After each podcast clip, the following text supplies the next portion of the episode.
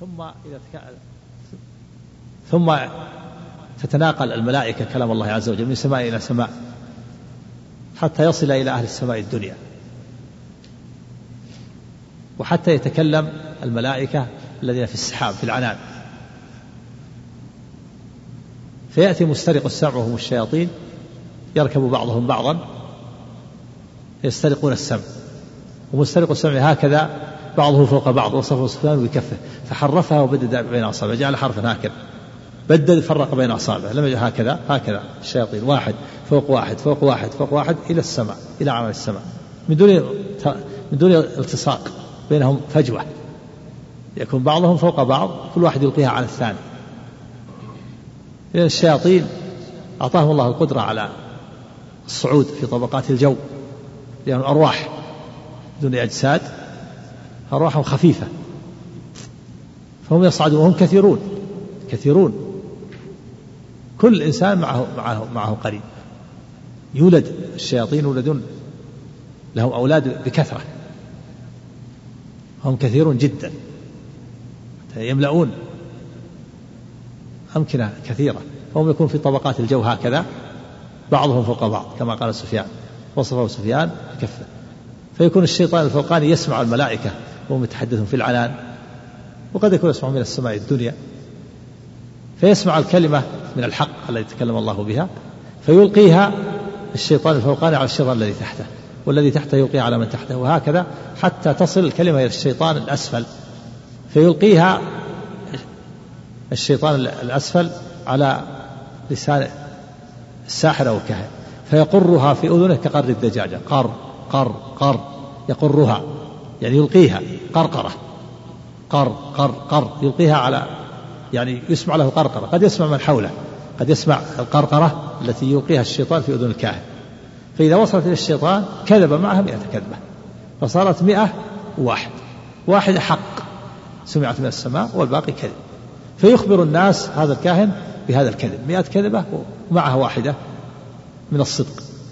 فتقع الكلمة التي سمعت من السماء ولا تقع مئة الكذبة. فيصدق الناس الكاهن بجميع كذبه من أجل واحدة وقعت. فإذا قيل لهم كيف تصدقون الكاهن به؟ قالوا أليس قد قال لنا يوم كذا وكذا كذا وكذا فوقع؟ فيصدق بتلك الكلمة التي سمعت من السماء يصدق بجميع كذبه. وهذا في قبول نفس الشر والباطل. كيف؟ كيف لا يعتبرون بمئة كذبة ويصدقونه بكذبة من أجل واحدة؟ في حديث عن نوس بن سمعان رضي الله عنه إذا أراد الله أن يوحي بالأمر تكلم بالوحي. أخذت السماوات منه رجفة أو قال رعدة شديدة خوفا من الله عز وجل.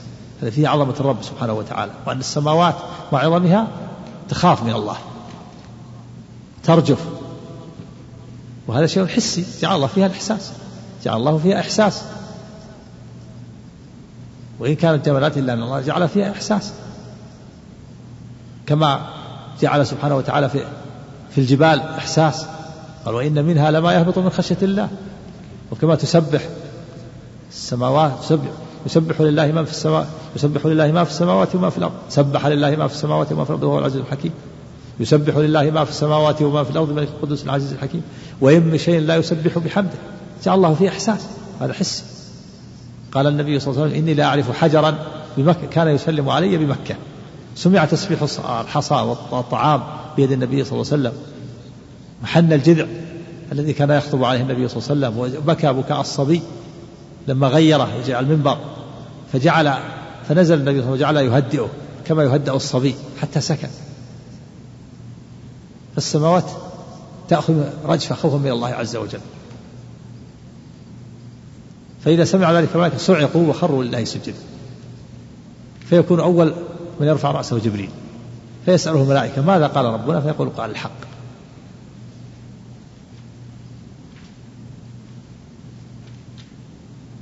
فيقول كل مثل ما قال جبريل ثم ينتهي جبريل بالوحي إلى حيث أمره الله عز وجل.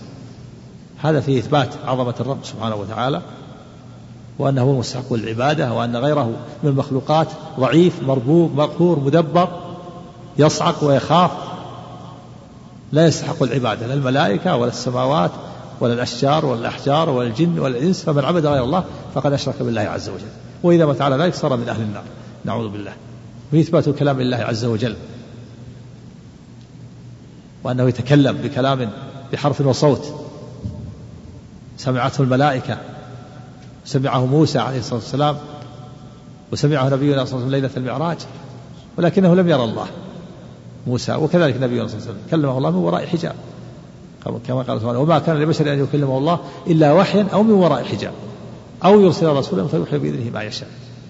لا يستطيع أحد أن يرى الله عز وجل في الدنيا. ولهذا قال النبي في الحديث الصحيح الذي رواه الإمام مسلم لما قيل هل رأيت ربك؟ قال نور أن أراه وفي حديث أبي موسى إن الله لا ينام. صحيح مسلم في حديث أبي موسى إن الله لا ينام ولا ينبغي له أن ينام. يخفض القسط ويرفعه. يرفع إليه عمل الليل قبل عمل النهار وعمل النهار قبل عمل الليل. حجابه النور وفي لفظه النار. لو كشفه لأحرقت سبحات وجهه ما انتهى إليه بصره من خلقه. رواه مسلم في صحيحه. ومحمد صلى الله عليه وسلم من خلقه. فلا يستطيع أحد أن يثبت لرؤية الله في الدنيا. لكن في يوم القيامة ينشأ المؤمنون تنشئة قوية تبدل الصفات يثبتون فيها لرؤية الله عز وجل. ولأن الرؤية نعيم. رؤية الله نعيم خاص بأهل بأهل الجنة. فلا تكون لأهل الدنيا. لكن كلام الله سمعه موسى سمعه نبينا محمد صلى الله عليه وسلم من دون واسطة سمعه جبرائيل سمعه الملائكة. والله تعالى يكلم الناس يوم القيامة. في الحديث يقول الله يا آدم في فيقول لبيك وسعديك فيقول أخرج بعث النار. فيقول يا ربي وما بعث النار؟ فيقول من كل ألف تسعمائة وتسعة وتسعون وواحد من الجنة. نسأل الله السلامة والعافية. فهذا الباب ساق فيه المؤلف رحمه الله الآية وهذا الحديثان لبيان أن المستحق العبادة هو الله عز وجل وأن الملائكة والسماوات وغيرهم لا يستحقون شيئا من العبادة. وفيه إثبات أن الله يتكلم بكلام حقيقي بحرف وصوت لا يشبه كلام المخلوقين في جميع صفاته. ولا يشبه سبحانه وتعالى أحدا من خلقه لا في ذاته ولا في صفاته ولا ولا في أسمائه ولا في أفعاله. كما قال سبحانه ليس كمثله شيء وهو السميع البصير. قال سبحانه هل تعلم له سميا؟ قال فلا تضربوا لله الأمثال إن الله يعلم وأنتم لا تعلمون. وقال سبحانه ولم يكن له كفوا أحد. نعم سم نعم. قوله فحرفها وبدد بين أصابعه حرفها حرف هذا جعل حرف يعني ما بسطها. وبدد يعني فرق بين أصابعه يصف سفيان تراكب الشياطين بعضهم فوق بعض. من دون ملاصقة. بعضهم فوق بعض كل واحد يلقيها على الثاني. يكون الثاني تحته مجرد ما يسمع الكلمة يلقيها عليه. ثم يلقيها إلى من تحته ولا يحتاج بدون ملاصقة. هكذا بدد حرف. لو كان ملاصقة ما حرف ما بدد. بدد أصابعه هكذا. واحد فوق واحد. حرف يعني جعل حرفا.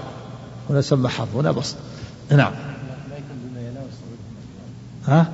يكون بما بحيث الشهاب إذا ضرب يصيب أحدهم ولا يصيب من تحته لا الشهاب الشهب تلاحقهم تحرقهم ولكن أحيانا يحرقهم الشهاب قبل أن تصل الكلمة إلى إلى الأسفل الذي يلقي على لسان الكاهن وأحيانا يخطفها ويلقيها على لسان الكاهن ثم يأتي الشهاب فالشوب تلاحقهم تحرقهم ومع ذلك هم كثيرون يولد منهم الكثير والكثير ولله الحكمة البالغة في ذلك. ولما قيل للنبي صلى الله عليه وسلم إن الكهان يخبرون أحيانا بالشيء يكون حقا قال عليه الصلاة تلك الكلمة يخطفها الجني فيقرها في أذن الكاهن كقر الدجاجة. كلمة في السماء في السماء تقع ولكن الكاهن يكذب معها مئة كلمة ويخبر الناس بالكذب الكثير. فيقبل الناس كذبة ويصدقون في الكذب من أجل واحدة سمعت من السماء. نعم. سم. نعم. نعم. الله عليكم. حملة العرش هل يرون الله عز وجل؟ لا يراه أحد من الخلق مطلقا لا يستطيع أحد رؤية الله. عام الحديث. لو كشفه لا حلق سبحانه وجهه ما انتهى إلى بصره من خلقه. وهم من خلقه حملة العرش من خلقه. نعم. هذا هو الصواب أن الله لا يراه أحد في الدنيا. نعم. بسم الله الرحمن الرحيم. الحمد لله رب العالمين. وصلى الله وسلم وبارك على نبينا محمد وعلى آله وصحبه أجمعين. قال الشيخ عبد الرحمن بن حسن رحمه الله تعالى قال المصنف رحمه الله تعالى باب قول الله تعالى حتى إذا فزع عن قلوبهم قالوا ماذا قال ربكم؟ قالوا الحق وهو العلي الكبير. قوله حتى إذا فزع عن قلوبهم أي زال الفزع عنها. قاله ابن عباس وابن عمر وأبو عبد الرحمن السلمي والشعبي والحسن وغيرهم. وقال ابن جرير قال بعضهم الذي فزع عن قلوبهم الملائكة. قالوا وإنما فزع عن قلوبهم من خشية من غشية تصيبهم عند سماعهم كلام الله بالوحي. وقال ابن عطية في الكلام حذف يدل عليه الظاهر كأنه قال ولا هم شفعاء كما تزعمون أنتم بل هم عبدة مسلمون أبدا ها ولا هم أحسن. ولا هم شفعاء كأنه قال ولا هم شفعاء كما تزعمون أنتم بل هم ليسوا شفعاء. نعم أحسن عليك. بل هم عبدة مسلمون أبدا يعني منقادون حتى إذا فزع عن قلوبهم والمراد الملائكة على ما اختاره ابن جرير وغيره. قال ابن كثير رحمه الله وهو الحق الذي لا مرية فيه لصحة الأحاديث فيه والآثار. وقال أبو حيان تظاهرت الأحاديث عن رسول الله صلى الله عليه وسلم أن قوله حتى إذا فزع عن قلوبهم إنما هي في الملائكة إذا سمعت الوحي إلى جبريل يأمره الله به سمعت كجر سلسلة الحديد على الصفوان فتفزع عند ذلك تعظيما وهيبة. قال وبهذا المعنى من ذكر الملائكة في صدر الآية تتسق هذه الآية على الأولى. ومن لم يشعر أن الملائكة مشار إليهم من أول قوله الذين زعمتم لم تتصل له هذه الآية لم تتصل له هذه الآية بما قبلها. يعني قل الذين زعمتم دون الله لا يملكون مثقال ذرة في السماوات والأرض وما لهم فيهما من شرك وما لهم من ظهير ولا تنفع الشفاعة إلا لمن أذن له حتى إذا فزع عن قلوبهم. حتى إذا زال الفزع. قل إذا زعمتم من دون الله أنهم شفعاء. وهذا الباب فيه قصد المؤلف رحمه الله منه وجوب إخلاص العبادة لله وأن وأن الملائكة لا يصلحون العبادة وغيرهم من باب أولى لأن الملائكة وهم خلق عظيم لكنهم يفزعون يصيبهم الفزع والغشي ومن يصيبه الفزع والغشي لا يصلح العبادة وفيه عظمة الرب وأنه مستحق العبادة سبحانه الذي تفزع الملائكة مع عظم خلقها وتصيب السماوات رجفة إذا تكلم سبحانه وتعالى. فهو الرب العظيم المستحق للعبادة. وأما غيرهم من المخلوقين فلا يستحقون شيئا من العبادة. فالملائكة وإن كانوا عظماء خلقهم الله خلقا عظيما إلا أنهم لا يصلح العبادة. لضعف يفيد يصيبهم الضعف والفزع والخوف والموت فلا يصلحون العبادة. نعم. وإنما الذي يستحق العبادة الرب الواحد الأحد الفرد الصمد. الذي لا تأخذه سنة ولا نوم. نعم سبحانه وتعالى نعم. قوله قالوا ماذا قال ربكم ولم يقولوا ماذا خلق ربنا. نعم في إثبات الكلام لله والرد على من قال كلام الله مخلوق. الملائكة قالوا ماذا قال ربكم ولم يقولوا ماذا خلق ربكم. معتزلة يقولون قال ربكم خلق ربكم قول مخلوق قول الله مخلوق عندهم كلام الله مخلوق تعالى الله. وهذا كفر وضلال. نعم. قوله قالوا ماذا قال ربكم ولم يقولوا ماذا خلق ربنا. ولو كان كلام الله مخلوقا لقالوا ماذا خلق. انتهى من شرح سنن ابن ماجه. ومثله الحديث ماذا قال ربنا يا جبريل. وأمثال هذا في الكتاب والسنة كثير. وقوله قالوا الحق أي قالوا قال الله الحق. وذلك لأنهم إذا سمعوا كلام الله صعقوا. ثم إذا أفاقوا أخذوا يسألون فيقولون ماذا قال ربكم؟ فيقولون قال الحق. قوله وهو العلي الكبير علو القدر وعلو القهر وعلو الذات. نعم ف... في إثبات العلو لله عز وجل. وإثبات هذين الاسمين الكريمين من أسماء الله العلي والكبير. وله سبحانه صفة العلو تسمى بالعلو علو القدر والشأن. والعظمة وعلو القهر والسلطان وعلو الذات. وقد وافق أهل البدع على إثبات نوعين من أنواع العلو وهما علو القدر والشأن وعلو القهر والسلطان. وأنكروا علو الذات. والله سبحانه له العلو بأنواع الثلاثة علو القدر وعلو الشأن وعلو العظمة. كما قال علامة القيم رحمه الله والفوق أنواع ثلاث كلها لله ثابتة بلا نكران. نعم. قوله وهو العلي الكبير علو القدر وعلو القهر وعلو الذات فله العلو فله العلو الكامل من جميع الوجوه. كما قال عبد الله بن مبارك رحمه الله لما قيل له بماذا نعرف ربنا؟ قال بأنه بماذا نعرف ربنا؟ قال لما قيل له بماذا نعرف ربنا؟ قال بأنه على عرشه بائن من خلقه تمسكا منه بالقرآن. لقول الله تعالى الرحمن على العرش استوى. وقوله ثم استوى على العرش الرحمن في سبعة مواضع في القرآن. قوله الكبير الذي لا أك... الذي لا أكبر منه ولا أعظم تبارك وتعالى.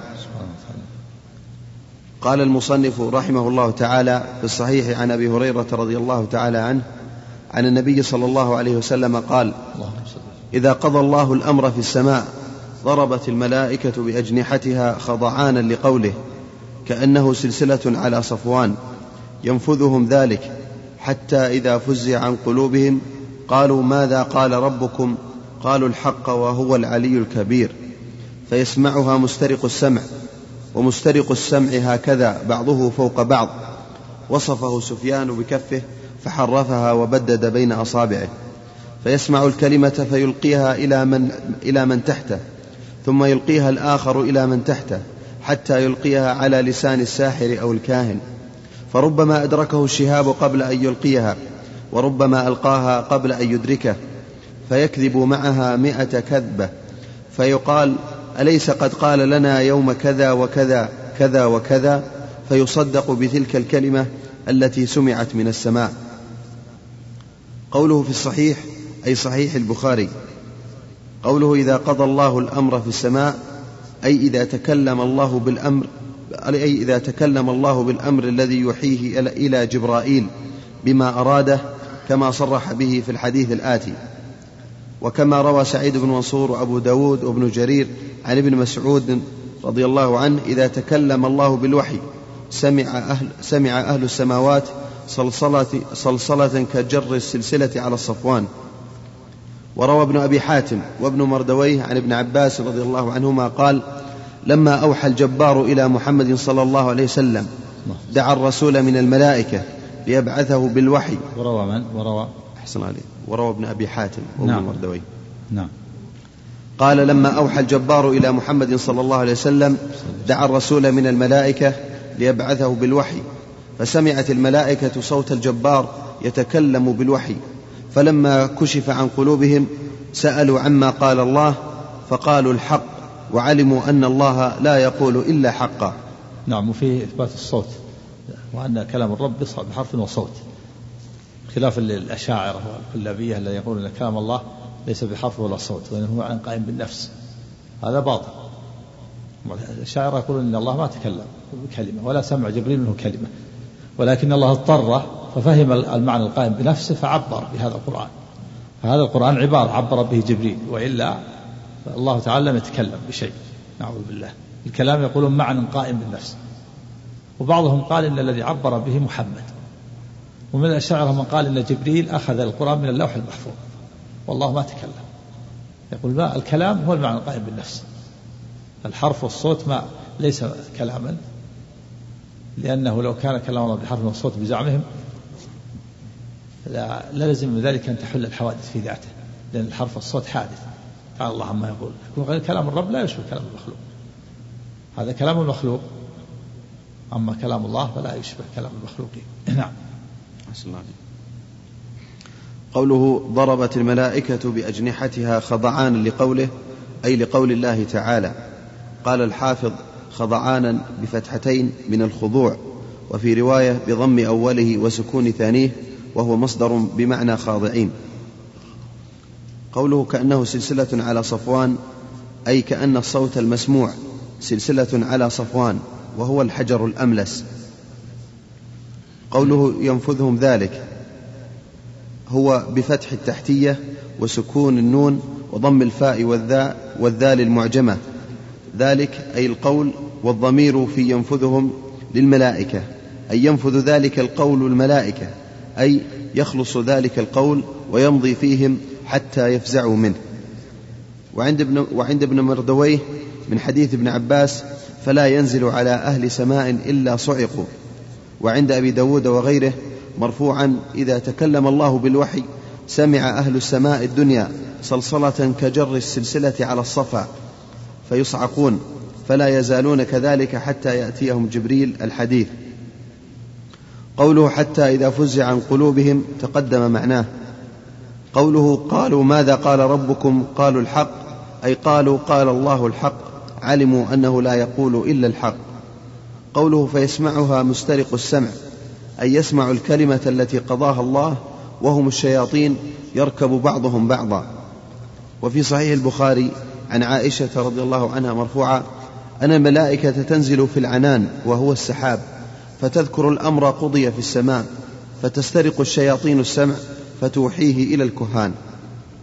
قوله ومسترق السمع هكذا وصفه سفيان بكفه أي وصف ركوب بعضهم فوق بعض. وسفيان هو ابن عيينة أبو محمد الهلالي الكوفي ثم المكي ثقة حافظ فقيه إمام حجة. مات سنة ثمان مات سنة ثمان وتسعين ومائة وله, وله إحدى وتسعون سنة. رحمه الله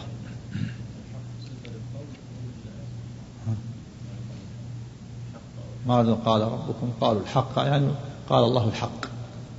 والحق من أسماء الله. نعم.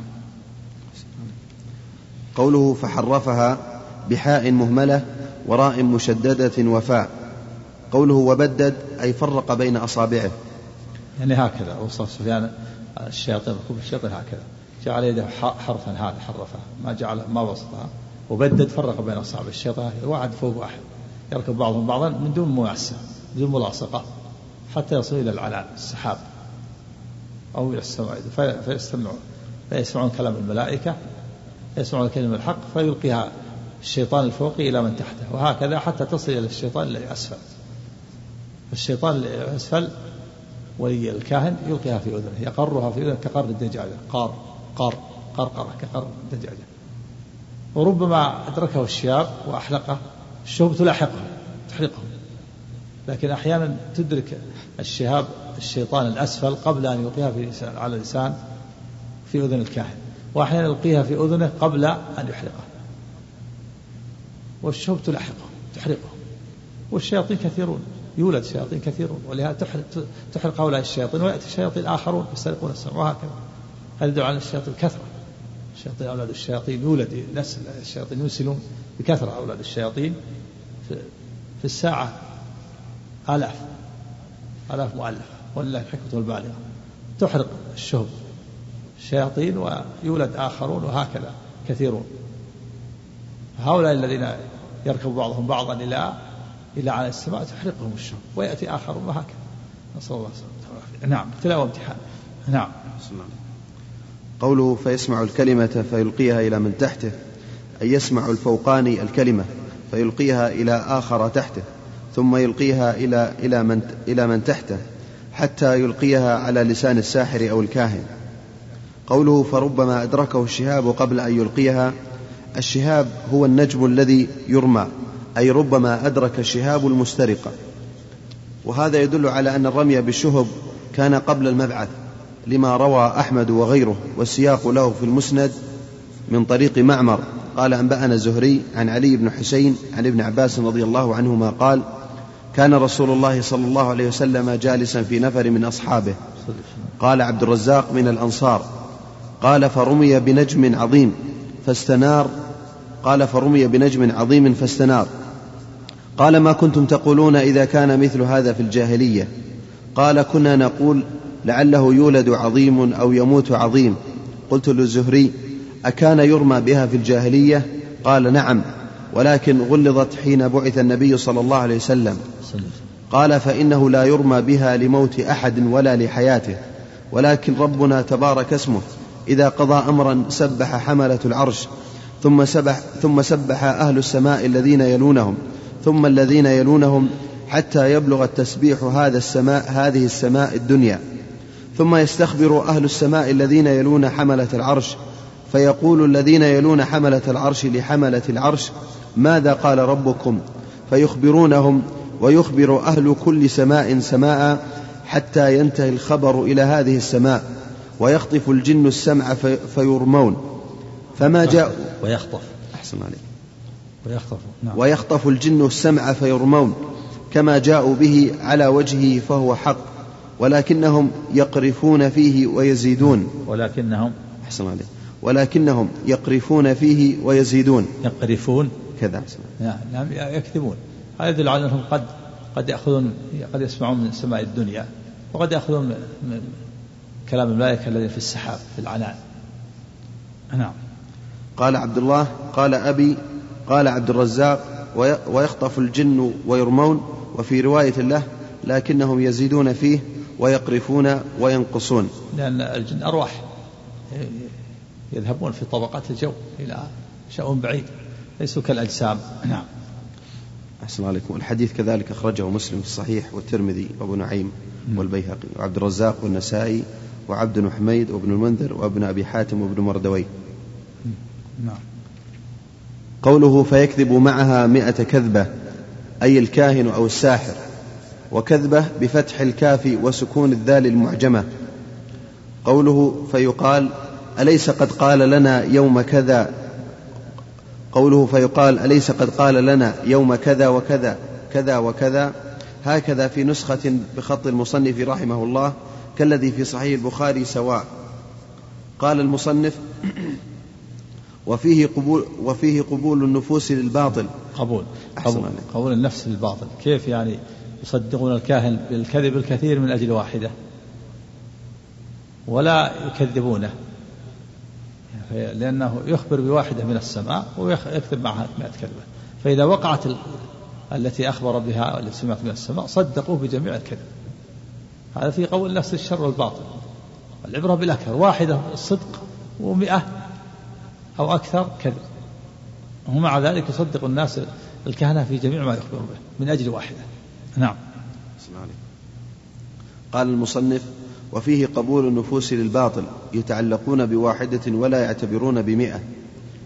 وفيه أن الشيء إذا كان فيه شيء من الحق فلا يدل على أنه حق كله.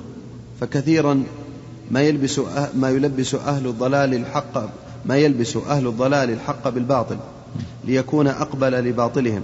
نعم. قال تعالى ولا تلبسوا الحق بالباطل وتكتموا الحق وأنتم تعلمون. وفي هذه الأحاديث وما بعدها وما في معناها إثبات علو الله تعالى على خلقه على ما يليق بجلاله وعظمته وأنه تعالى لم يزل متكلما إذا شاء بكلام يسمعه الملائكة. وهذا قول أهل السنة قاطبة سلفا وخلفا خلافا للأشاعرة والجهمية ونفاة المعتزلة.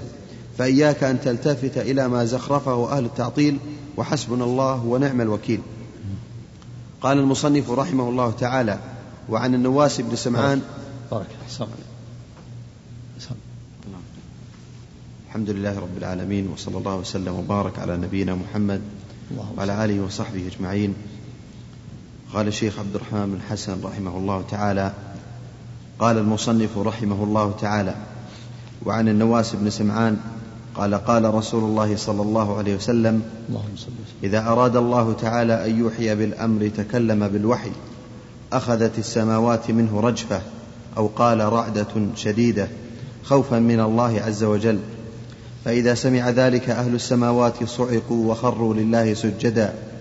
فيكون أول من يرفع رأسه جبريل. فيكلمه الله من وحيه بما أراد. ثم يمر جبريل على الملائكة. كلما مر بسماء سأله ملائكتها ماذا قال ربنا يا جبريل؟ فيقول قال الحق وهو العلي الكبير. فيقولون كلهم مثل ما قال جبريل فينتهي جبريل بالوحي إلى حيث أمره الله عز وجل. هذا الحديث رواه ابن أبي حاتم بسنده كما ذكره العماد بن كثير في تفسيره. النواس بن سمعان رضي الله عنه بكسر السين بن خلاد الكلابي ويقال الأنصاري صحابي ويقال أن أباه صحابي أيضا. قوله إذا أراد الله أن يوحي بالأمر إلى آخره فيه النص على أن الله تعالى يتكلم بالوحي وهذا من حجة أهل السنة على النفاة لقولهم لم يزل الله متكلما إذا شاء. نعم هذا من حجة أهل السنة على أهل البدع الذين أنكروا أن يكون الله متكلما من الجهمية والمعتزلة. أنكروا أن يكون الكلام صفة من صفات الله وقالوا إنه مخلوق من مخلوقاته. قالوا إن كلام الله هذه الألفاظ والمعاني خلقها في غيره فصار بها متكلما. وقالت المعتزلة إن الله ما كلم موسى ولكن الله خلق الكلام في الشجرة فالشجرة هي اللي كلمت موسى. قالت يا موسى إني أنا الله رب العالمين. هل, هل تقول الشجرة إني أنا الله رب العالمين؟ نسأل الله العافية. وبعضهم قال إن الله خلق الكلام في الهواء. وذهبت الأشاعرة إلى أن الكلام معنى قائم بالنفس. لا يسمع ليس بحرف ولا صوت وقالوا إن الكلام ينقسم إلى قسمين. المعنى هذا هو الكلام. واللفظ حروف الأوساط ليست كلام. وقالوا إن الله ما تكلم ولا بكلمة ولا تكلم بالقرآن ولكن الله اضطر جبريل ففهم المعنى القائم بنفسه فعبر بهذا القرآن. هذا هذا عبارة عبر به جبريل. عما في نفس الله. أما كلام الله فهو في نفسه. قال آخرون من الأشاعرة إن الذي عبر هو محمد ليس جبريل. وقال فريق ثالث من الأشاعرة إن إن جبريل أخذ القرآن من اللوح المحفوظ والله لم يسمع منه كلمة. وهذا من أبطل الباطل. النصوص صريحة في أن الله يتكلم بصوت بحرف وصوت يسمع. حيث إن الله ينادي يوم القيامة بصوت يسمعه من بعد كما يسمعه من قرب. إنما ينادي آدم يوم القيامة يقول يا يا آدم فيقول لبيك وسعديك يقول أخرج بعث النار. والنصوص في هذا كثيرة. لا حصر لها. إثبات الصوت والحرف. الله تعالى يتكلم بكلام بحرف وصوت يسمع. لا يشبه كلام المخلوقين. نعم. أحسن الله عليكم. ذكر شيخ الإسلام في العقيدة الأصفهانية. قال عن قال نقل عن البخاري. قال وفي اتفاق المسلمين دليل على أن نعيما ومن نحى نحوه ليس بمارق ولا مبتدع. إيش؟ الله عليك. اتفاق إيش؟ نقل عن البخاري. الله عليك.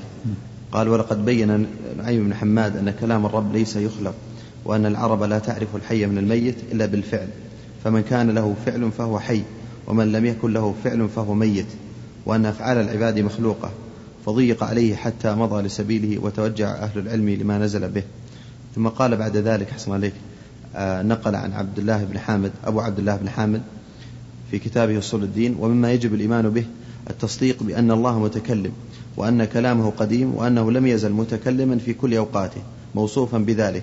وكلامه قديم غير محدث كالعلم والقدرة. قال وقد علم أن المذهب أن كون الكلام صفة ومتكلما به ولم يزل موصوفا بذلك ومتكلما إذا شاء وبما شاء.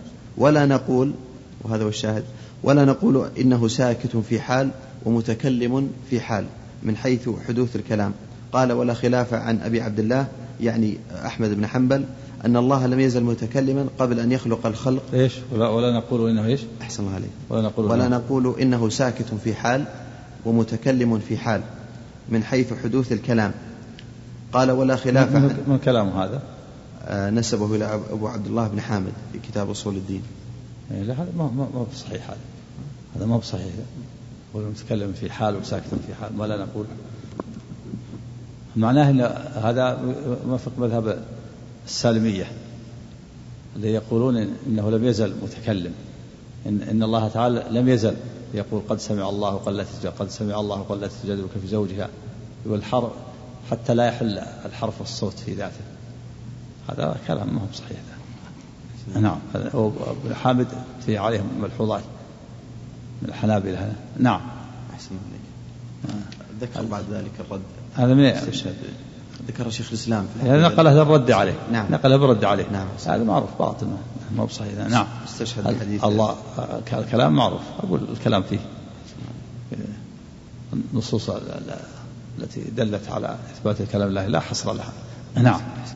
ثم استشهد بعد ذلك في حديث إن الله فرض فرائض فلا تضيعوها وحد حدودا فلا تعتدوها وسكت عن أشياء رحمة.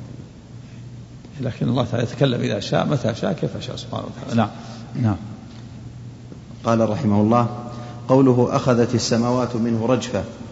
السماوات مفعول مقدم والفاعل رجفة أي أصاب السماوات أي أصاب السماوات من كلامه تعالى رجفة أي ارتجفت.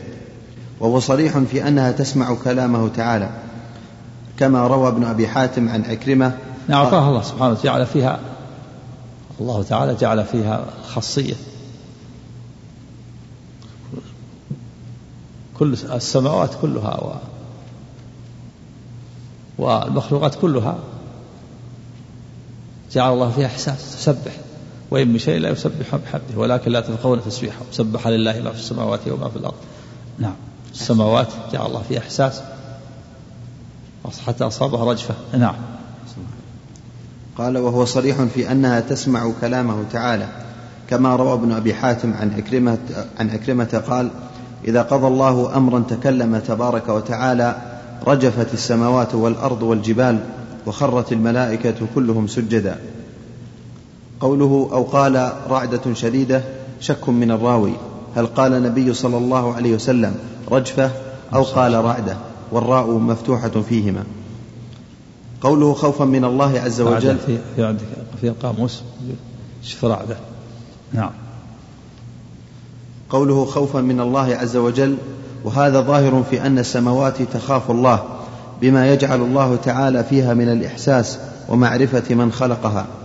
وقد أخبر تعالى أن هذه المخلوقات العظيمة تسبحه كما قال تعالى تسبح له السماوات السبع والأرض ومن فيهن وإن من شيء إلا يسبح بحمده ولكن لا تفقهون تسبيحهم إنه كان حليما غفورا. وقال تعالى تكاد السماوات يتفطرن منه وتنشق الأرض وتخر الجبال هدا. وقال تعالى وإن, وإن منها لما يهبط من خشية الله.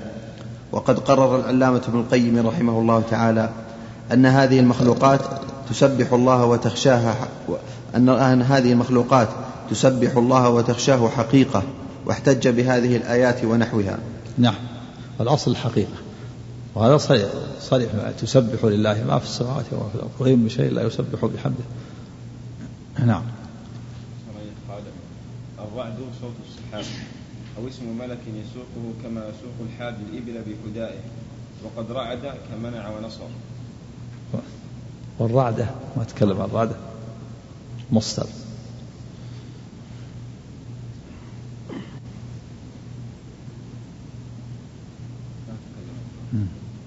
نعم. وفي البخاري عن ابن مسعود رضي الله عنه قال كنا نسمع تسبيح الطعام وهو يؤكل. نعم. في الحديث الآخر النبي قال إني لا أعلم حجرا كان يسلم علي بمكة والجذع حن لما وضع للنبي صلى الله عليه وسلم منبر آخر غير الجذع كان يخطب عليه جعل يهدئ كما يهدأ الصبي حتى سكت. نعم. وفي حديث أبي ذر رضي الله عنه أن النبي صلى الله عليه وسلم أخذ في يده حصيات فسمع لهن تسبيح الحديث. وفي الصحيح قصة حنين الجذع الذي كان يخطب عليه الذي كان يخطب عليه النبي صلى الله عليه وسلم قبل اتخاذ المنبر ومثل هذا كثير. وقوله صعقوا وخروا لله سجدا الصعق هو الغشي ومعه السجود. وقوله فيكون أول من يرفع رأسه جبريل بفتح أول خبر خبر يكون تقدم على اسمها ويجوز العكس. ومعنى جبريل؟ فيكون أول من يرفع رأسه جبريل.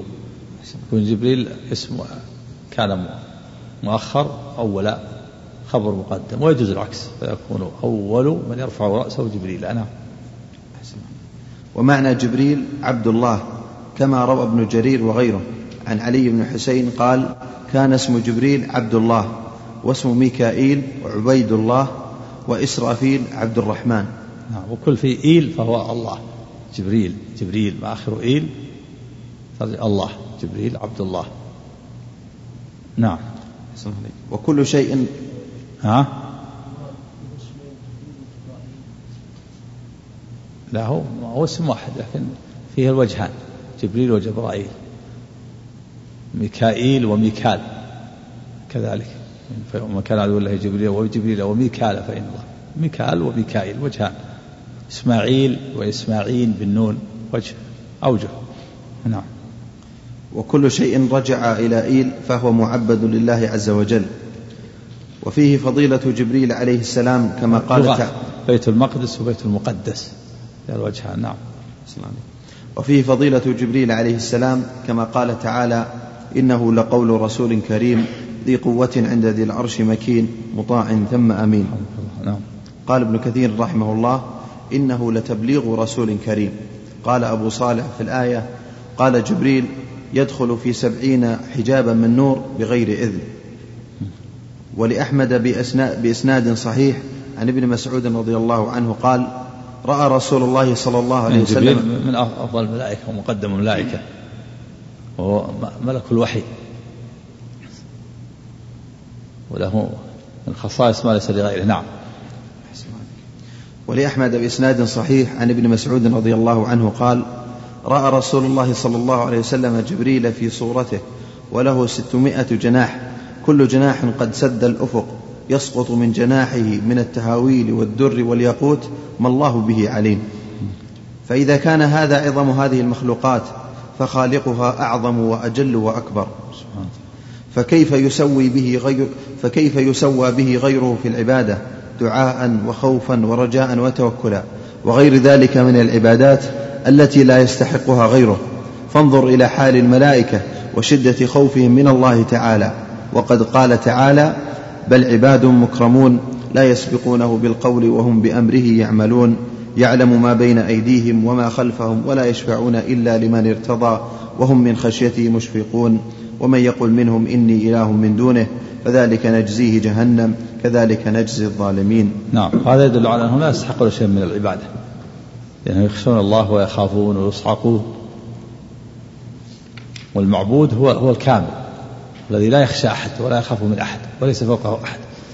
وأولى الملائكة يخشون ويخافون ويصعقون يصيبهم الصعق والغشي والموت فهم عبيد مربوبون مخلوقون. والعبادة حق الله عز وجل. نعم. قوله فينتهي جبريل بالوحي إلى حيث أمره الله عز وجل من السماء والأرض وهذا تمام الحديث. والآيات المذكورة في هذا الباب والأحاديث تقرر التوحيد الذي هو مدلول شهادة أن لا إله إلا الله. فإن الملك العظيم الذي تصعق الأملاك من كلامه خوفا منه ومهابة وترجف نعم. منه المخلوقات. نعم الذي تصعق الأملاك. نعم. أحسن عليك. فإن الملك.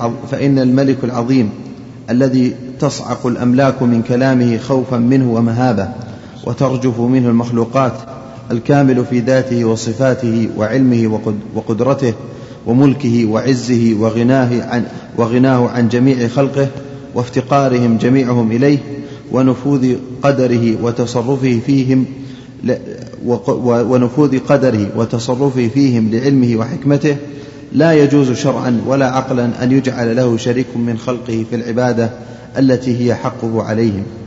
فكيف يجعل المربوب ربا والعبد معبودا؟ أين ذهبت عقول المشركين؟ سبحان الله عما يشركون. وقال تعالى إن كل من في السماوات والأرض إلا آتي الرحمن عبدا لقد أحصاهم وعدهم عدا وكلهم آتيه يوم القيامة فردا. فإذا كان الجميع عبيدا فلم يعبد بعضهم بعضا بلا دليل ولا برهان بل بمجرد الرأي والاختراع والابتداع. ثم قد أرسل رسله من أولهم بل بمجرد الرأي. والاختراع؟ والاختراع بل بمجرد الرأي والاختراع والابتداع. نعم. ثم قد أرسل رسله من أولهم إلى آخرهم تزجرهم عن ذلك الشرك وتنهاهم عن عبادة ما سوى الله انتهى من شرح سنن ابن ماجه. شرح سنن ابن ماجه نعم. من النقل عن من؟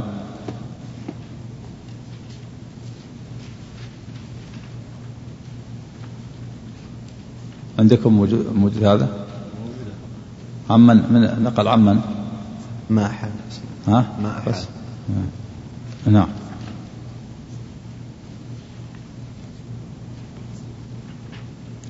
صلى عليك. قال المصنف رحمه الله تعالى فيه مسائل.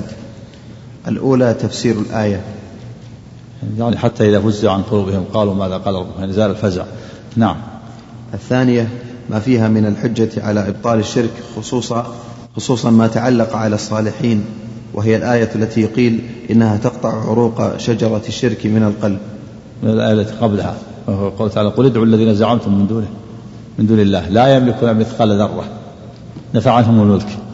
وما لهم فيما من شرك نفع الشركة. وما لهم منهم من ظهير نفع المساعدة. ولا تنفع الشفاعة نفع الشفاعة.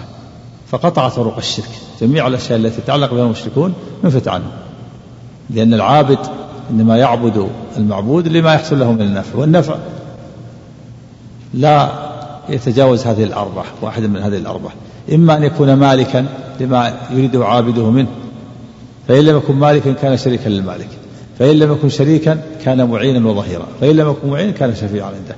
وقد نفى الله هذه الأمور الأربعة مرتبة منتقلا من الأعلى إلى الأدنى فدل على بطلان جميع ما يتعلق بالمشركون فلهذا سمت هذه الآية قيل أن هذه الآية تقطع عروق الشرك. نعم.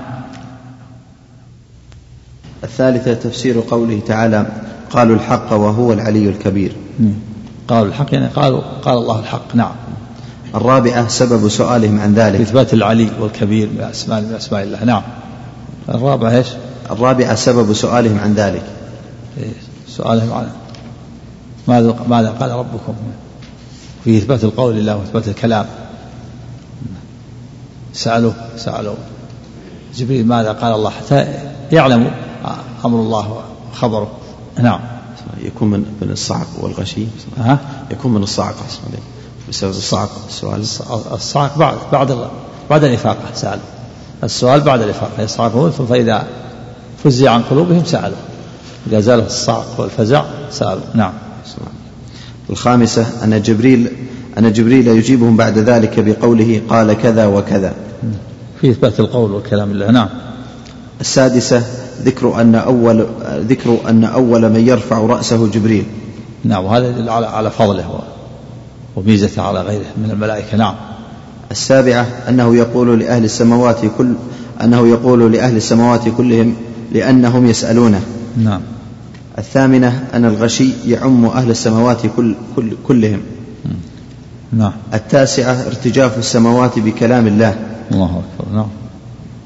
العاشرة. وكل هذا في إثبات الكلام الله والرد على من انكر نعم. وأنه بحرف من الصوت. أنهم يسمعون. وفي اللفظ الآخر كان في الحديث السابق كأنه سلسلة على صفوان في إثبات الصوت والرد على الأشاعرة الذين أنكروا الصوت. نعم. بسم الله عليك. العاشرة أن جبريل هو الذي ينتهي بالوحي إلى حيث أمره الله. نعم. الحادية عشرة ذكر استراق الشياطين. نعم. وأنه يستيقظ السمع نعم. تلحقهم الشهب. نعم. الثانية عشرة صفة ركوب بعضهم بعضا. وأن, وأن هكذا كما وصف حرفه وبدد بين أصابعه غير متلاصقين بعضهم فوق بعض. نعم. الثالثة عشرة إرسال الشهاب. نعم. على الشياطين نعم. الرابعة عشرة أنه تارة يدركه الشهاب قبل أن يلقيها وتارة يلقي يلقيها في أذن وليه من الإنس قبل أن يدركه. يعني الشيطان الأسفل الشهب تلاحقهم أحيانا. تحرقه الشهاب قبل أن يلقي كلمة في أذن الكاهن وأحيانا يلقيها في أذن الكاهن قبل أن يحرقه الشهاب نعم. الخامسة عشرة كون الكاهن يصدق بعض الأحيان. يصدق لأنه لأنه يخبر بالكلمة التي سمعت من السماء هذه كلمة صدق لكن يكذب معها مئة كذبة فيصدق الناس بهذا الكذب الكثير. نعم. السادسة عشرة كونه يكذب معها مئة كذبة. نسأل الله العافية نعم. السابعة عشرة أنه لم يصدق كذبه إلا لم يصدق كذبه لم يصدق كذبه إلا بتلك الكلمة التي سمعت من السماء. نعم صدق الكذب الكثير من أجل كلمة واحدة. مئة كذبة أو أكثر واحدة صدق. فيصدق بالكذب الكثير من أجل واحدة. هذا في قول النفس الشر والباطل. نعم. الثامنة عشرة قبول النفوس للباطل. كيف يتعلقون بواحدة ولا يعتبرون بمئة؟ نعم. العبرة بالأغلب. ومع ذلك ما, ما اعتبروا صدقوا بالكذب الكثير من أجل واحدة. نعم. التاسعة عشرة كونهم يلتقي بعضهم من بعض تلك يتلقى بعضهم من بعض تلك الكلمة ويحفظونها ويستدلون بها. إيه كونهم. كونهم يتلقى بعضهم من بعض تلك الكلمة نعم الشياطين نعم. ويحفظونها ويستدلون بها. نعم. كذا يستدلون؟ نعم.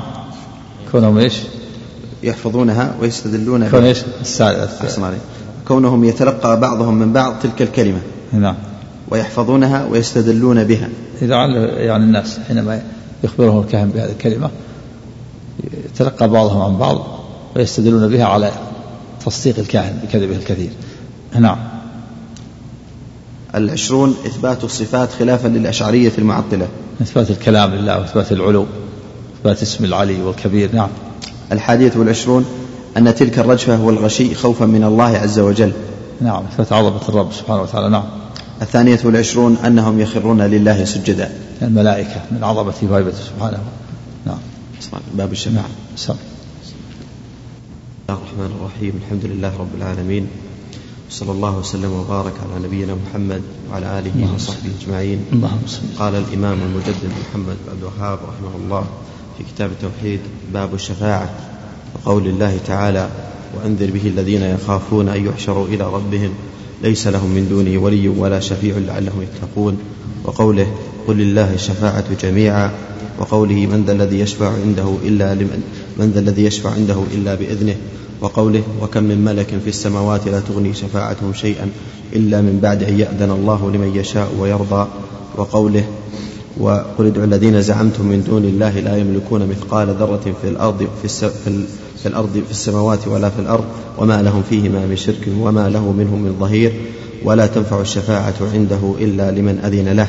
قال أبو العباس رحمه الله أن فبين فنفى الله نفى الله عما سواه كل, كل ما يتعلق به المشركون فنفى عن غيره الملك أو قسط منه. أن يكون له أحسن عليك. فنفى, فنفى أن يكون له ملك أو قسط منه. أو يكون عونا لله ولم ولم يبق إلا الشفاعة فبين أنها لا تنفع إلا لمن أذن له الرب كما قال تعالى ولا ولا تنفع الشفاعة إلا لمن ارتضى. قال ولا يشفعون. ولا يشفعون ولا يشفعون كما قال تعالى ولا يشفعون إلا لمن ارتضى. فهذه الشفاعة التي يظنها المش... فهذه الشفاعة التي يظنها المشركون هي منفية يوم القيامة كما نفاها هي منتفية هي منتفية يوم القيامة كما نفاها القرآن وأخبر النبي صلى الله عليه وسلم أنه يأتي فيسجد لربه ويحمده ولا يبدأ بالشفاعة أولا. ثم يقال له ارفع رأسك وقل تسمع وس- وسل تعطى واشفع تشفع. وحقيقته أن الله سبحانه وقال أبو, وقال أبو هريرة رضي الله عنه له صلى الله عليه وسلم من أسعد الناس من أسعد الناس بشفاعتك؟ قال من قال لا إله إلا الله خالصا من قلبه. فبين أنها فبين أن الشفاعة لا تكون إلا لأهل الإخلاص بإذن الله ولا تكون لمن أشرك بالله.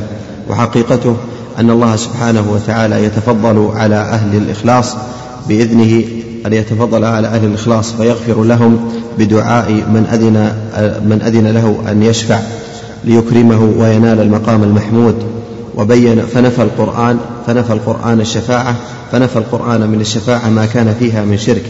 وأثبت ولهذا أثبت الشفاعة بإذنه في مواضع.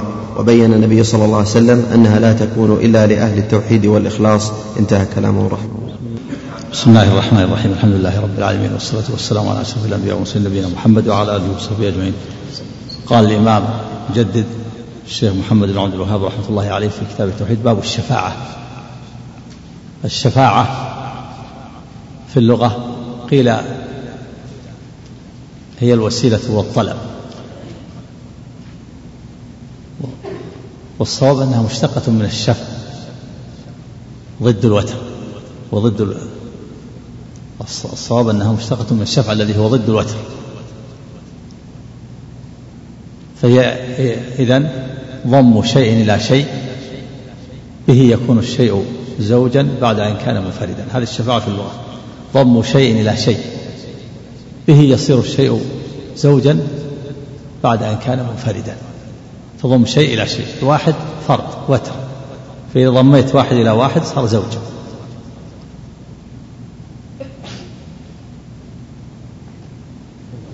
الله. وذلك أن الشفيع يضم نفسه إلى إلى من يشفع له.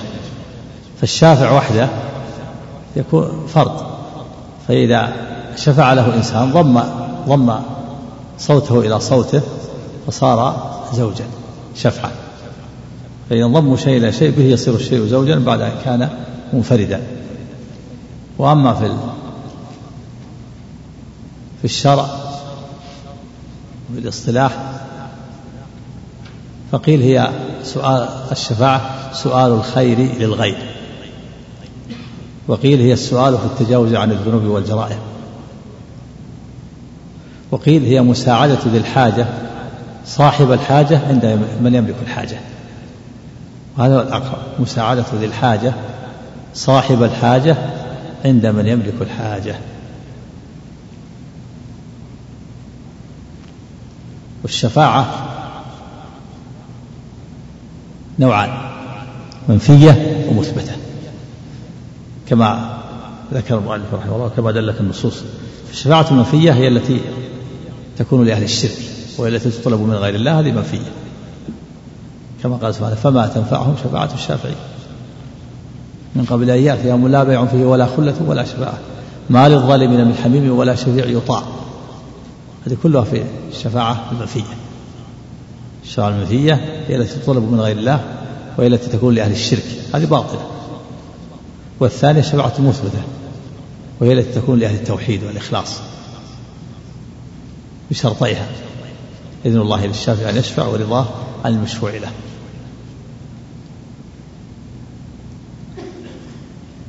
والشفاعات أنواع. الشفاعة المثبتة أنواع. الشفاعة نوعان منفية وهي التي تكون لأهل الشرك وشفاعة مثبتة وهي التي تكون لأهل التوحيد. وهي أنواع. النوع الأول الشفاعة العظمى في أهل الموقف ليقضى بينهم.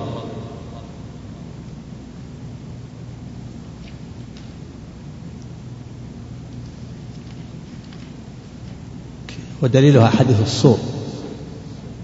وأن الناس يأتون آدم ثم نوحا ثم إبراهيم ثم موسى ثم عيسى ثم نبينا محمد صلى الله عليه وسلم يسألونهم الشفاعة.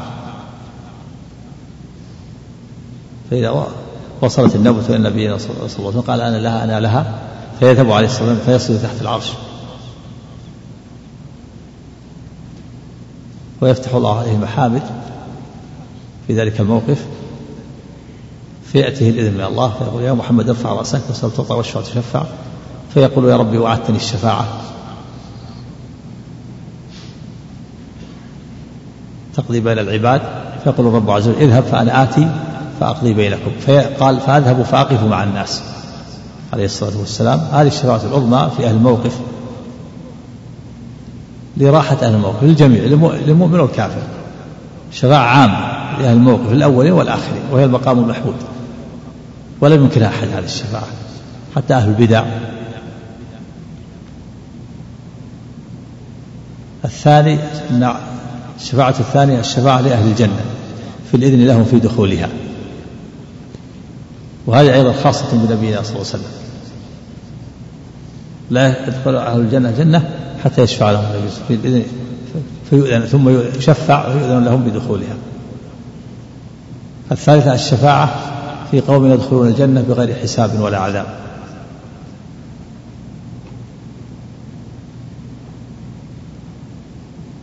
كما جاء في الحديث. ما معناه؟ فادخل من أمتك من لا حساب عليهم من الباب الأيمن أو كما جاء في الحديث. وهم شركاء الناس في سائر الأبواب.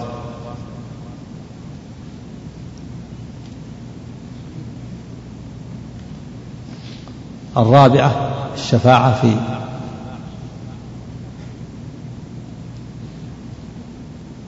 في زيادة في رفع درجات قوم من أهل الجنة وزيادة ثوابهم فوق ما يستحقون. يشفع في قوم من الموحدين ترفع درجاتهم ويزاد ثوابهم. الخامسة الشفاعة في قوم تساوت حسناتهم وسيئاتهم. ألا يدخلوا النار. الخامسة السادسة الشفاعة في قوم استحقوا دخول النار ألا يدخلوها. السابعة الشفاعة في قوم من الموحدين دخلوا النار أن يخرجوا منها. الثامنة الشفاعة في تخفيف العذاب عن بعض الكفار وهي خاصة بنبينا صلى الله عليه وسلم وخاصة بعمه أبي طالب. الشفاعة في تخفيف العذاب عن عمه أبي طالب. وهذه الشفاعة الأولى الأربع أثبتها المعتزلة والخوارج. الشفاعة الشفاعة العظمى والشفاعة في أهل الجنة في الذين لهم في دخولها والشفاعة في رفع درجة قوم من أهل الجنة والشفاعة في قوم يدخلون الجنة بغير حساب. هذه يقر بها البدع. وإنما ينكرون الشفاعة في إخراج أحد من النار أو في عدم دخول النار ممن يستحقها لأن الناس أقسام في الشفاعة. قسم غلوا في إثبات الشفاعة. وهم المشركون والنصارى والغلاة من المبتدعة والصوفية الذين أثبتوا شفاعة الأصنام والأوثان. وجعلوا شفاعة من يعظمونه في الدنيا. وجعلوا الشفاعة عند الله كالشفاعة عند من يعظمونه في الدنيا. هذا غلوا في إثباته حتى أثبتوها الأصنام والأوثان. هذا مثل المشركين والنصارى والغلاة من الصوفية وغيرهم. المذهب الثاني نفي الشفاعة مطلقا. وهذا مثل الخوارج والمعتزلة. أنكروا الشفاعة في إخراج أحد من النار أو الشفاعة في قوم يستحقون دخول النار. ولكن أثبتوا وافقوا على الشفاعة العظمى والشفاعة في لأهل الجنة. الثالث أهل الحق.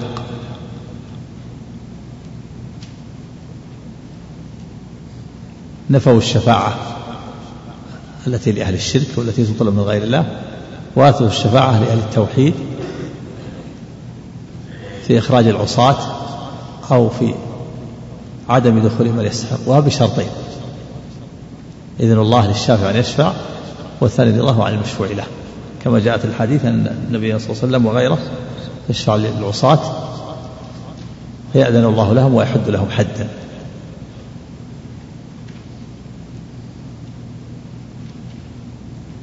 قال المصنف رحمه الله تعالى وقول الله تعالى وأنذر به الذين يخافون أن يحشروا إلى ربهم ليس لهم من دونه ولي ولا شفيع. الإنذار عام للخلق جميعا للمؤمن والكافر كما قال تعالى قم فأنذر. ولكن خص الذين يخشون لأنهم هم الذين ينتفعون. وأنذر الذين يخشون ليس لهم من دونه ولي ولا شفيع. لعلهم يتقون يعني لكي يتقوا. لعل المراد بها تعليم وليس المراد بها الترجي. من قول تعالى يا أيها الذين أصبروا يا أيها الذين آمنوا اصبروا وصابروا ورابطوا واتقوا الله لعلكم تفلحون. يعني لكي تفلحوا؟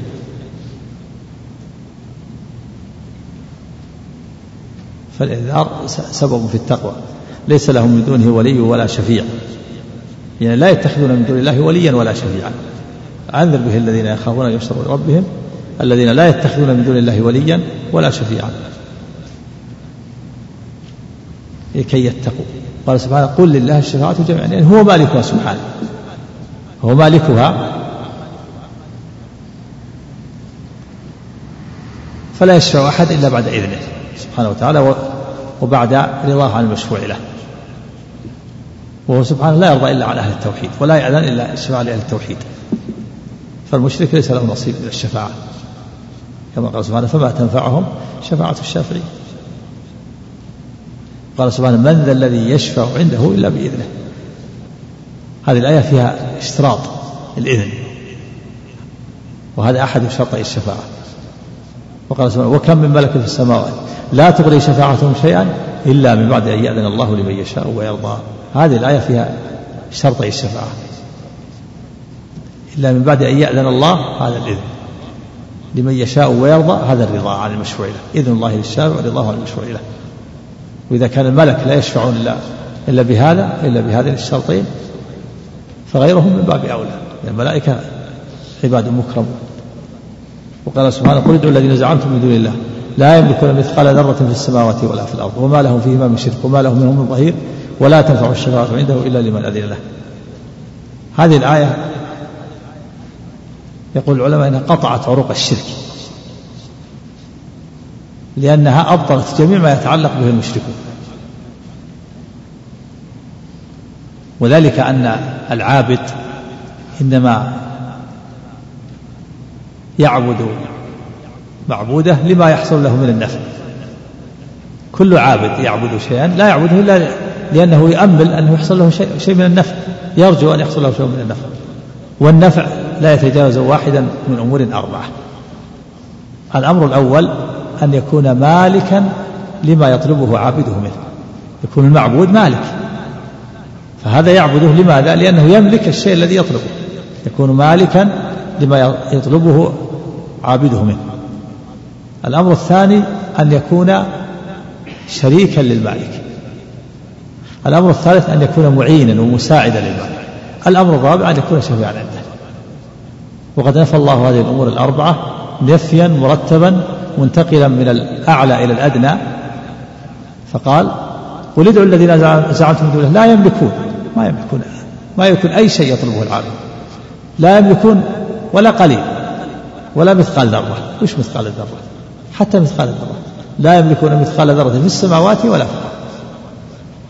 ولا مثقال ذرة في السماوات والأرض إذا كانوا ما يملكون ولا مثقال ذرة. وما لهم فيهما من شرك. انتقل إلى الأمر الثاني. حتى ليس لهم ولا شركة ولا في مثقال ذرة.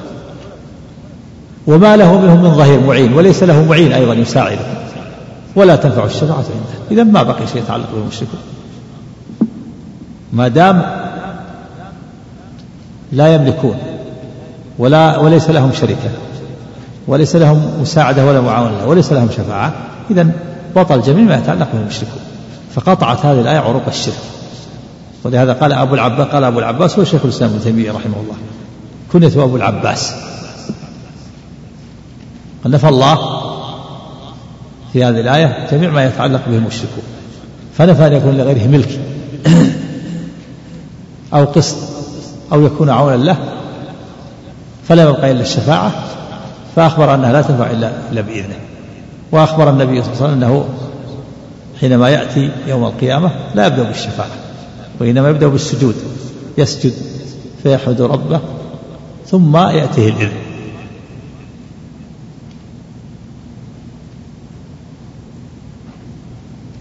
وسأله أبو هريرة رضي الله عنه قال يا رسول الله من أسعد الناس بشفاعتك؟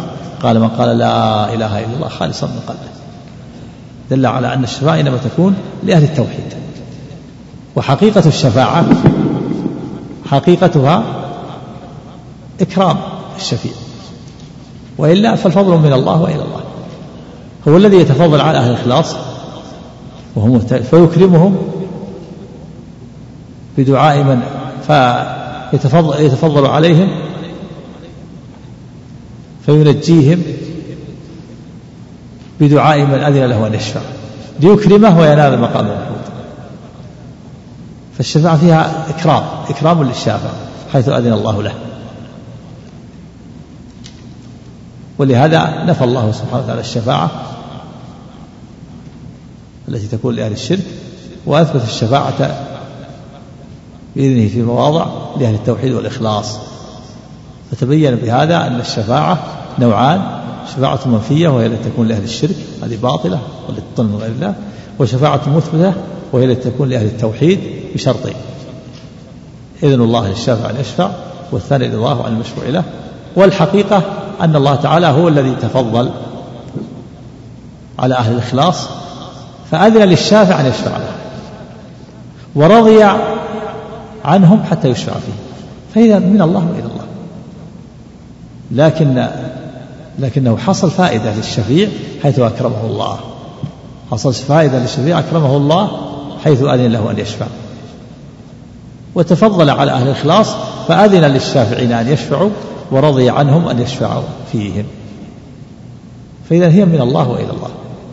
لأن الله هو الذي أذن لهذا الشافع وهو الذي رضي عنه لكن استفاد الشافع استفاد حيث أكرمه الله فقبل شفاعته. وإلا فالشفاعة هي كل ملك لله كما قال قل لله الشفاعة جميعا هو الذي يملكها سبحانه. فيأذن لأهل التوحيد أن يشفعوا في أهل يأذن للشافع أن يشفع في أهل التوحيد الذين يرضى الله قولهم أقوالهم وأعمالهم. نعم. سم. سم.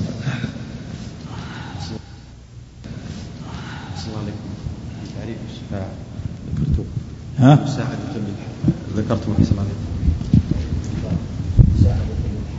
مساعدة ذي الحاجة. مساعدة ذي ذي الحاجة صاحب الحاجة عندما يملك الحاجة. ذي مساعدة ذي الحاجة. ها؟ لا الشافع الشافع هو الذي يساعد مساعدة الحاجة صاحب الحاجة عند هو يساعده. الشافع الشافع نفسه يعني القادر له قدرة على الشفاعة. مساعدة ذي الحاجة صاحب الحاجة هذا المشفوع له. عندما يكون حاجة فهو الله مثلا نعم. بسم الله الرحمن. ها؟ التجاوز عن الجرائم والذنوب. نعم. الشافع الشافع نعم نعم. والشافع وفي مشفع والمشفع المشفع صيغة اسم فاعل. من شفع يشفع هو شفيع ومشفع وهو الذي يقبل الشفاعة. والمشفع هو الذي تقبل شهادته. في مشفع ومشفع.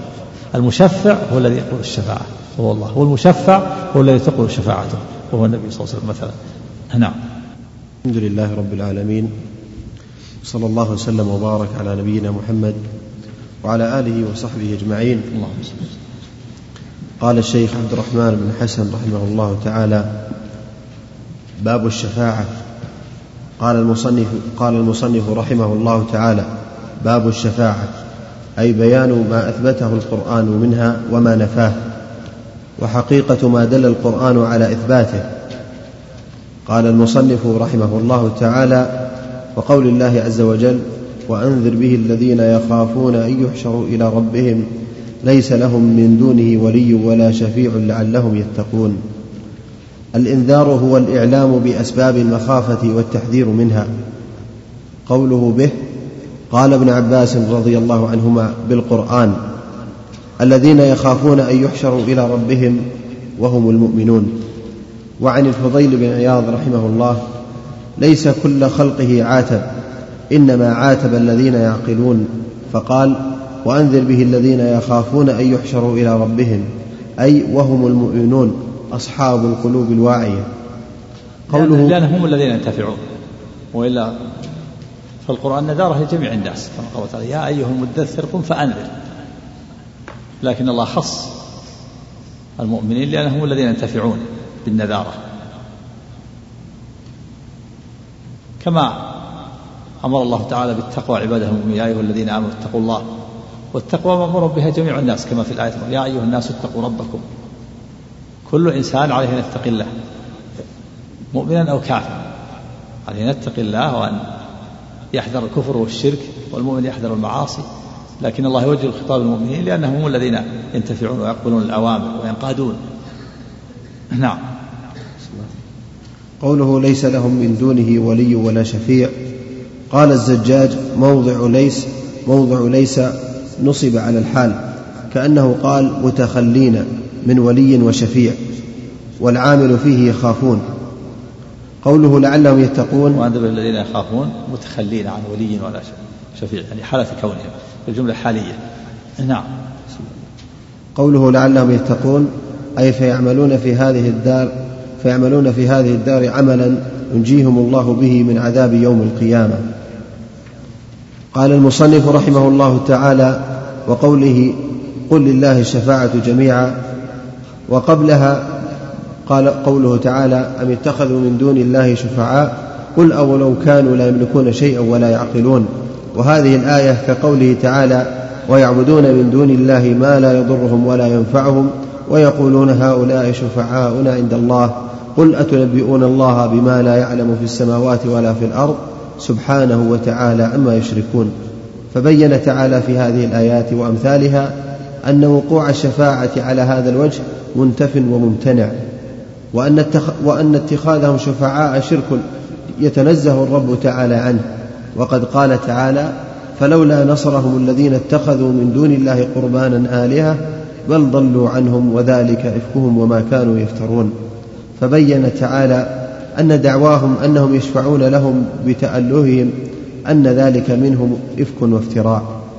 وقوله قل لله الشفاعة جميعا أي هذا كما يفعل عباد الأصنام والأوثان. يعني يعبد الأصنام والأوثان والأحجار والأشجار يتخذونها شفعاء. وهذا باطل. أنكر الله عليه. قال أولو كانوا قل أولو كانوا لا يملكون شيئا ولا يعقلون. ما يملكون ولا يعقلون. أشجار وأحجار لا تعقل ولا تملك شيئا. حتى العاقل منها ولو كان حيا. رحمك الله. رحمك الله ما يطلب منه الشفاعة واشفع لي عند الله يوم القيامة في الدنيا. فالله تعالى هو الذي يملك الشفاعة. قل لله الشفاعة هو مالكها سبحانه وتعالى.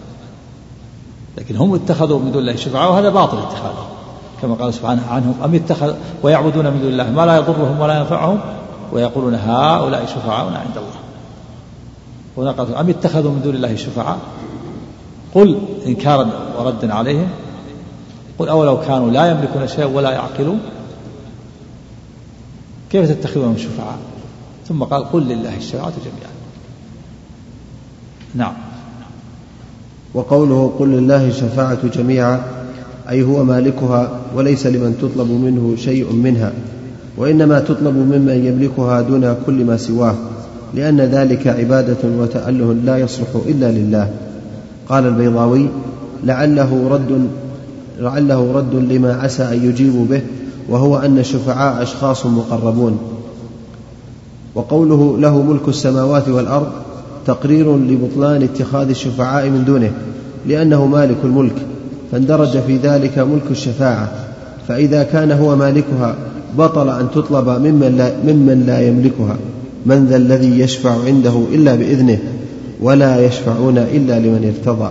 قال ابن جرير رحمه الله نزلت لما قال الكفار ما نعبد أوثاننا هذه إلا ليقربونا إلى الله زلفى. قال الله تعالى له ملك السماوات والأرض ثم إليه ترجعون. قال المصنف رحمه الله تعالى وقوله من ذا الذي يشفع عنده إلا بإذنه؟ قد تبين مما تقدم من الآيات أن الشفاعة التي نفاها القرآن هي التي تطلب من غير الله. وفي هذه الآية بيان أن الشفاعة إنما تقع في الدار الآخرة بإذنه كما قال تعالى يومئذ لا تنفع الشفاعة إلا من أذن له الرحمن ورضي له قولا. يومئذ. أحسن عليك. يومئذ لا تنفع الشفاعة إلا من أذن له الرحمن. إلا هكذا عليك. نعم, نعم إلا من؟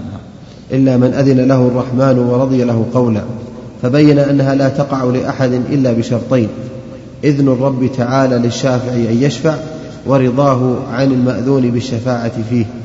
وهو تعالى لا يرضى من الأقوال والأعمال الظاهرة والباطنة إلا ما أريد به وجهه ولقي العبد به مخلصا غير شاك في ذلك كما دل على ذلك الحديث الصحيح.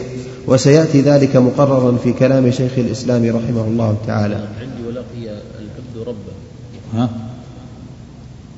ولقي ولقي ربه؟ قال في نسخة الضمير يعود إلى العبد نعم.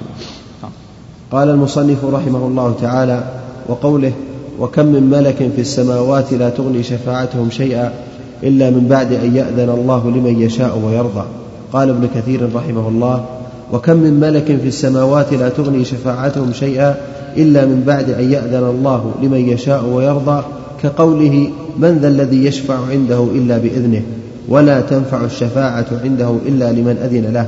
فإذا كان هذا في حق الملائكة المقربين فكيف ترجون أيها الجاهلون شفاعة هذه الأنداد شفاعة هذه الأنداد عند الله وهو لم يشرع عبادتها ولا أذن فيها بل قد نهى عنها على ألسنة جميع رسله.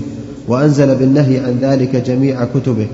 قال المصنف رحمه الله تعالى وقوله قل ادعوا الذين زعمتم من دون الله لا يملكون مثقال ذرة في السماوات ولا في الأرض وما لهم فيهما من شرك وما له منهم من ظهير ولا تنفع الشفاعة عنده إلا لمن أذن له. قال ابن القيم رحمه الله تعالى في الكلام على هذه الآيات وقد قطع الله الأسباب التي يتعلق بها المشركون جميعها فالمشرك إنما يتخذ معبوده لما يحصل له من النفع والنفع لا يكون إلا ممن فيه خصل إلا ممن فيه خصلة من هذه الأرض. لا في خصلة أحسن عليك. والنفع لا يكون إلا ممن فيه خصلة من هذه الأربع. إما مالك لما يريده عابده منه فإن لم يكن مالكا كان شريكا للملك فإن لم يكن شريكا كان شريكا للمالك. أحسن عليك. نعم. فإن لم يكن مالكا كان شريكا للمالك فإن لم يكن شريكا له كان معينا له وظهيرا فإن لم يكن معينا ولا ظهيرا كان شفيعا عنده.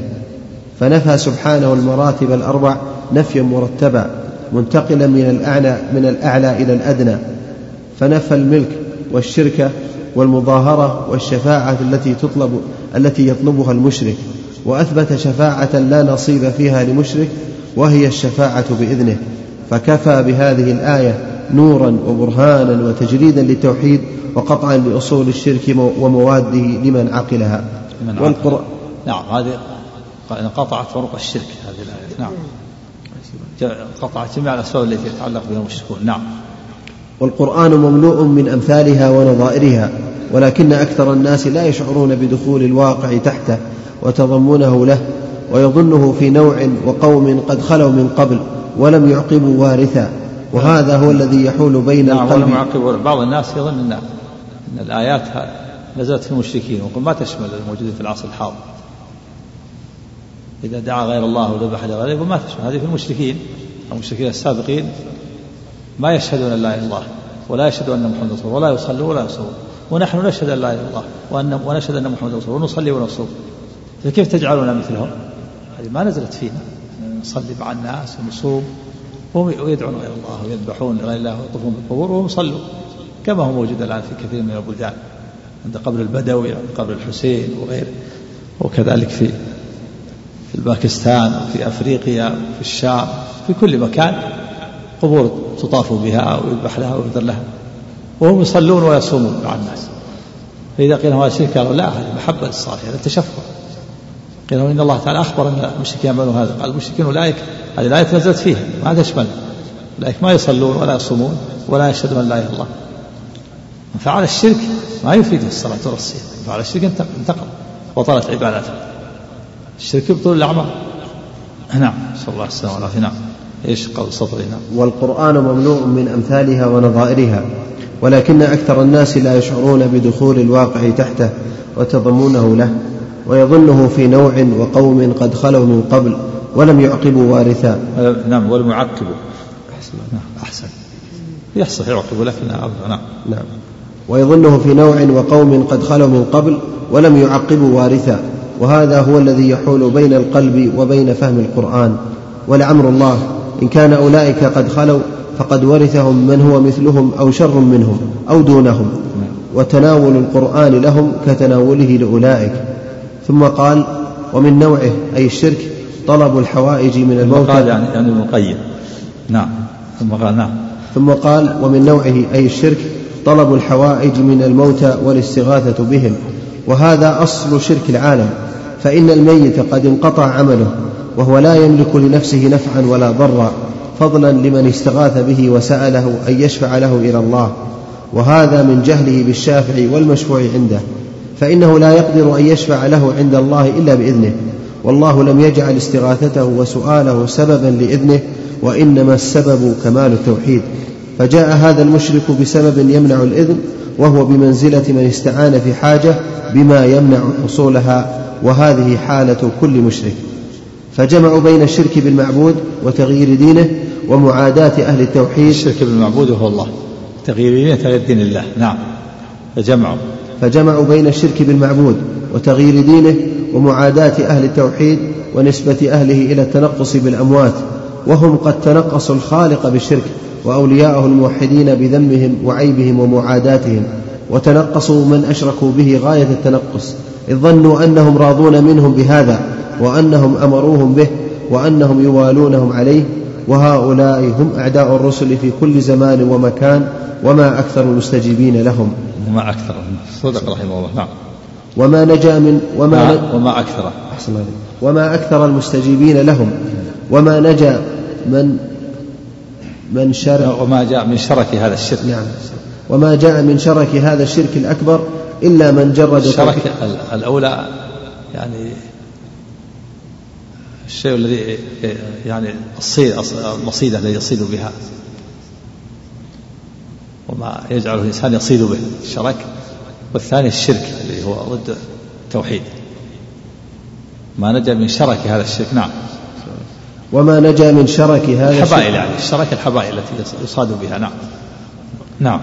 وما نجا من شرك هذا الشرك الأكبر إلا من جرد توحيده لله وعاد المشركين في الله وتقرب بمقتهم إلى الله واتخذ الله وحده وليه وإلهه ومعبوده فجرد حبه لله وخوفه لله ورجاءه لله وذله لله وذلة وذله لله وتوكله على الله واستعانته بالله والتجاءه إلى الله واستغاثته بالله كل بالرفع نعم. واستغاثته بالله. يصح المعطوف على نعم توكله واستعاذته نعم. وتوكله على الله واستعانته بالله والتجاءه إلى الله واستغاثته بالله وقصده لله متبعا لأمره متطلبا لمرضاته.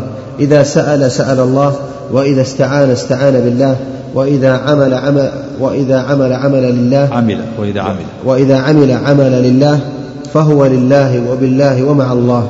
انتهى كلامه رحمه نعم. الله. رحمه الله نعم. وهذا الذي ذكره هذا الإمام هو حقيقة دين الإسلام كما قال تعالى ومن أحسن دينا ممن أسلم وجهه لله وهو محسن واتبع ملة إبراهيم حنيفا واتخذ الله إبراهيم خليلا. قال المصنف رحمه الله تعالى قال أبو العباس بركة أحسن أحسن. بسم الله الرحمن الرحيم. الحمد لله رب العالمين وصلى الله وسلم وبارك على نبينا محمد وعلى آله وصحبه أجمعين. قال الشيخ عبد الرحمن بن حسن رحمه الله تعالى قال المصنف رحمه الله تعالى قال أبو العباس رحمه الله نفى الله عما سواه كل ما يتعلق به المشركون فنفى أن يكون لغيره ملك أو قسط منه أو يكون عونا لله ولم يبق إلا الشفاعة فبين أنها لا تنفع إلا لمن أذن له الرب كما قال ولا يشفعون إلا لمن ارتضى. فهذه الشفاعة التي يظنها المشركون هي منتفية يوم القيامة كما نفاها القرآن وأخبر النبي صلى الله عليه وسلم أنه يأتي فيسجد لربه ويحمده لا يبدأ بالشفاعة أولا ثم يقال له ارفع رأسك وقل يسمع وسل تعطى واشفع تشفع. وقال له أبو هريرة رضي الله عنه من أسعد الناس بشفاعتك؟ قال من قال لا إله إلا الله خالصا من قلبه. فتلك الشفاعة لأهل الإخلاص بإذن الله ولا تكون لمن أشرك بالله. وحقيقته أن الله سبحانه وتعالى هو الذي يتفضل على أهل الإخلاص فيغفر لهم بواسطة دعاء من أذن له أن يشفع ليكرمه وينال المقام المحمود. فالشفاعة التي نفاها القرآن ما كان فيها شرك ولهذا أثبت الشفاعة بإذنه في مواضع. وقد بين النبي صلى الله عليه وسلم أنها لا تكون إلا لأهل التوحيد والإخلاص. نعم هذا كلام ابن العباس رحمه الله شيخ الإسلام. هو خلاصة خلاصة لمعاني النصوص التي وردت في هذا الباب. فالشفاعة ملك لله عز وجل كما قال قل لله الشفاعة جميعا. لكنها الشفاعة حقيقتها أن الله يتفضل على أهل الإخلاص أهل التوحيد فيغفر لهم بواسطة دعاء من أذن له أن يشفع ليكرمه وينال المقام المحمود. فالشافع يكرمه الله حيث يعلن له والمشفوع له يتفضل الله عليه بقبول دعاء من أذن له أن يشفع فيشفعه فيه. فهم من الله وإلى الله. هو الذي أذن للشافع أن يشفع وهو الذي رضي عن المشفوع له أن يشفع له. فتفضل على أهل التوحيد والإخلاص قبل الشفاعة فيهم وأكرم الشافع فأذن له أن يشفع. سبحانه وتعالى. نعم. قوله قال أبو العباس هو كنية شيخ الإسلام أحمد بن عبد الحليم بن عبد السلام بن تيمية الحراني إمام المسلمين رحمه الله. قوله وقال له أبو هريرة إلى آخره هذا الحديث رواه البخاري والنسائي عن أبي هريرة رضي الله عنه ورواه أحمد وصححه ابن حبان وفيه وشفاعتي لمن قال لا إله إلا الله مخلصا يصدق قلبه لسانه ولسانه قلبه. يعني ما في ترجمة ترجمة الشيخ؟ ما ذكر ها؟ فقط. ما ترجم له قال ولا؟ شيخ الإسلام. ها؟ ما نعم. ما ذكر نعم. وشاهده في صحيح مسلم عن أبي هريرة رضي الله عنه قال قال رسول الله صلى الله عليه وسلم لكل نبي دعوة مستجابة فتعجل كل نبي دعوته وإني اختبأت دعوتي شفاعة لأمتي يوم القيامة فهي نائلة إن شاء الله من مات لا يشرك بالله شيئا وقد ساق. وقد ساق المصنف رحمه الله كلام شيخ الإسلام هنا فقام مقام الشرح والتفسير لما في هذا الباب من الآيات وهو كاف واف بتحقيق من الإيجاز بتحقيق بتحقيق مع الإيجاز والله أعلم. نعم قول فهي نائلة إن شاء الله مات لا يشرك بالله شيئا. يعني الشفاعة تنال كل من مات على التوحيد. قل إن شاء الله للتبرك باسم الله ولإخراج من لم تنله الشفاعة لأن هناك من العصاة من لم تنله الشفاعة. فيخرجهم رب العالمين برحمته.